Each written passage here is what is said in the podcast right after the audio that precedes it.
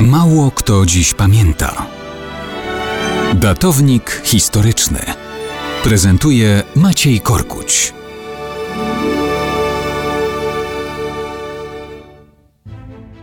Mało kto dziś pamięta, że 12 czerwca 1168 roku król Danii Waldemar I Wielki zdobył gród Arkona, położony na północnym krańcu wyspy Rugia.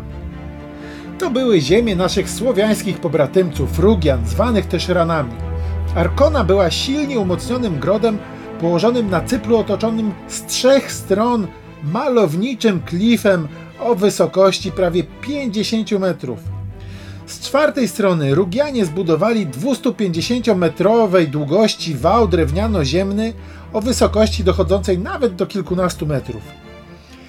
Czcili oni jeszcze dawnych słowiańskich bogów. Arkona była jednym z najważniejszych miejsc kultu świętowita, czyli my byśmy powiedzieli światowida, którego posąg znajdował się w najświętszej części grodu. Wyprawa króla Waldemara na Rugie była obudowana hasłami krucjatowymi, ale trzeba przyznać, że miał on, tak jak jego poprzednicy, olbrzymi problem z piractwem uprawianym na Bałtyku przez tych słowiańskich sąsiadów. Pustoszyli oni ziemię jego poddanych, doprowadzając całe ich połacie do wyludnienia.